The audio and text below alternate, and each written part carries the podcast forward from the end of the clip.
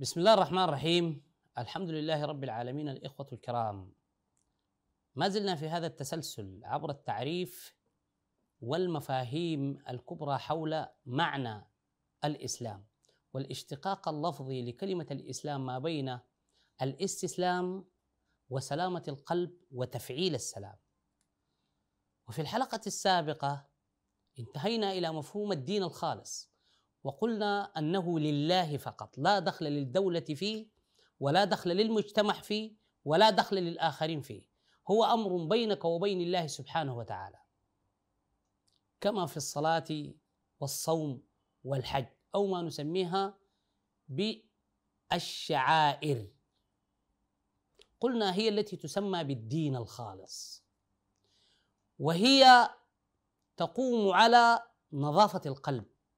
وسلامته وتنظيف الجسد ومستقبلاته ليتواصل مع مصدر الطاقة الأول أو مصدر الطاقة الوجودي ليتواصل مع الله سبحانه وتعالى عبر الاستمداد الروحي كما في التأمل والصلاة وغيرها. هذا هو الدين الخالص.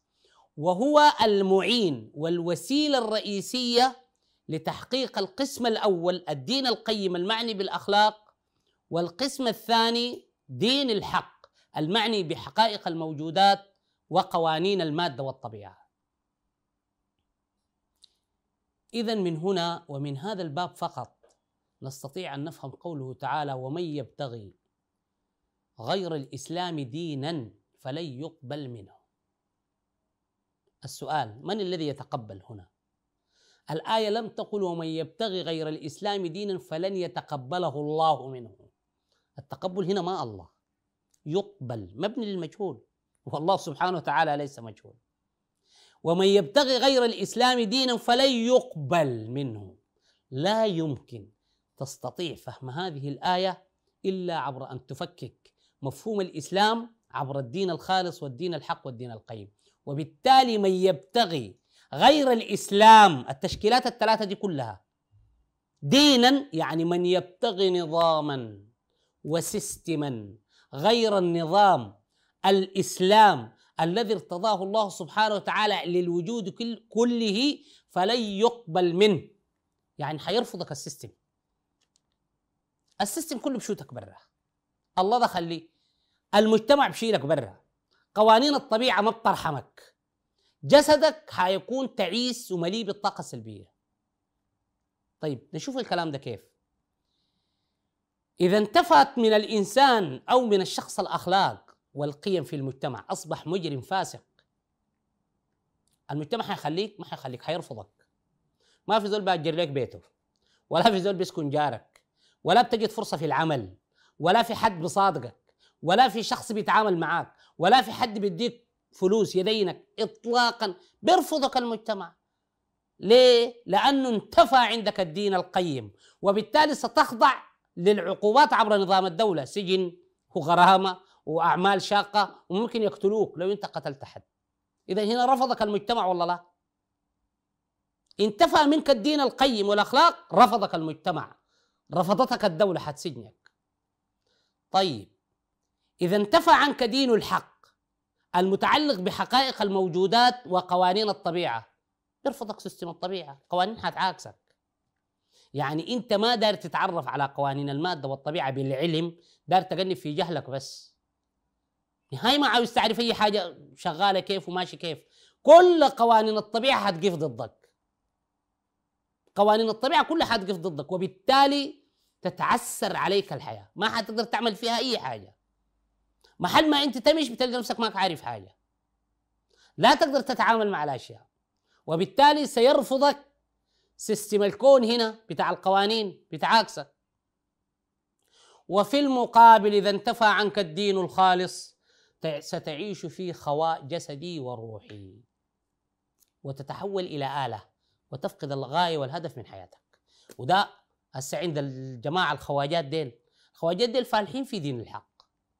وفالحين جدا في دين القيم. القيم الأخلاقية. أو القانون الضابط للقيم الناس دي أفلح مننا. واخلاقنا أحسن من لا بغش لا بكذب حتى المسيحيين نهائيا.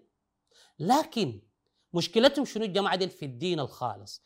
عندهم خواء روحي وبالتالي نجد الحالات الانتحار أكبر بكثير عند المجتمعات الغربية من الدول المسلمة، ليه؟ لأنهم عايشين يا جماعة في خواء روحي، هم راسبين في الدين الخالص، ما عندهم تعلق بمصدر الطاقة الأوحد.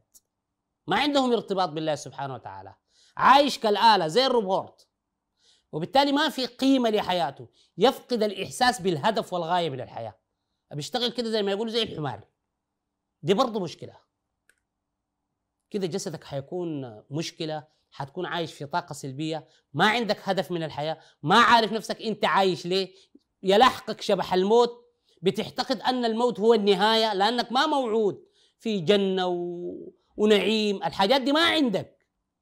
رغم أنك متطور في قوانين الطبيعة بلغت القمر لفيت الفضاء ده كله وفي القيم عامل نظام قانوني في القيم والأخلاق ما في أي حد كل شيء منضبط.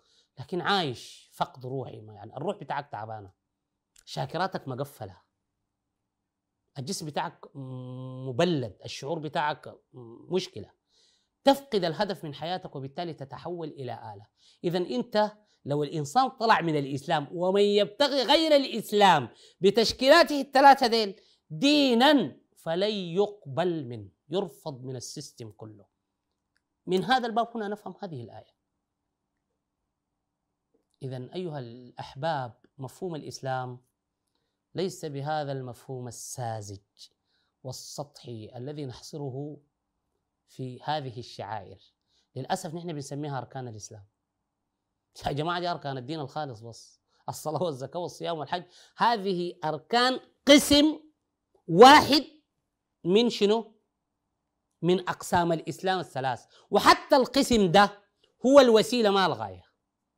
عشان كده لما في لما في سورة الفاتحة لما تكلمنا ما الفرق ما بين إياك نعبد وإياك نستعين قلنا أن الصلاة والصبر تقع في في محور الاستعانة. الاستعانة على العبادة هي وسائل. قوله تعالى واستعينوا بالصبر والصلاة. تستعين بها لتحقق العبادة. أما أركان الإسلام في القرآن الكريم الإسلام بالفهم الشمولي اللي قدمت لكم ده أركانه إطلاقا ما بنعرفها دي. أركانه هي الإيمان بالله الركن الوجودي الأول.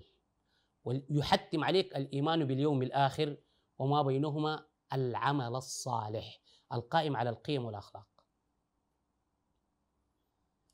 أكتفي بهذا القدر أيها الأحبة الكرام عن مفهوم الإسلام.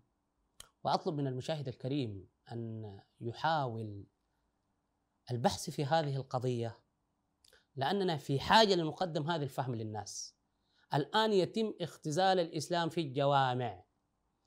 يخرج الشخص من صلاة الصبح فيعتقد أنه القديس وغيره إبليس ولكنه يفعل ما لا يفعله الشيطان. إلى أن ألتقي بكم في الحلقة الختامية والتي ستكون بعنوان ما الذي يجب علينا فعله؟ أترككم في حفظ الله ورعايته. السلام عليكم ورحمة الله تعالى وبركاته.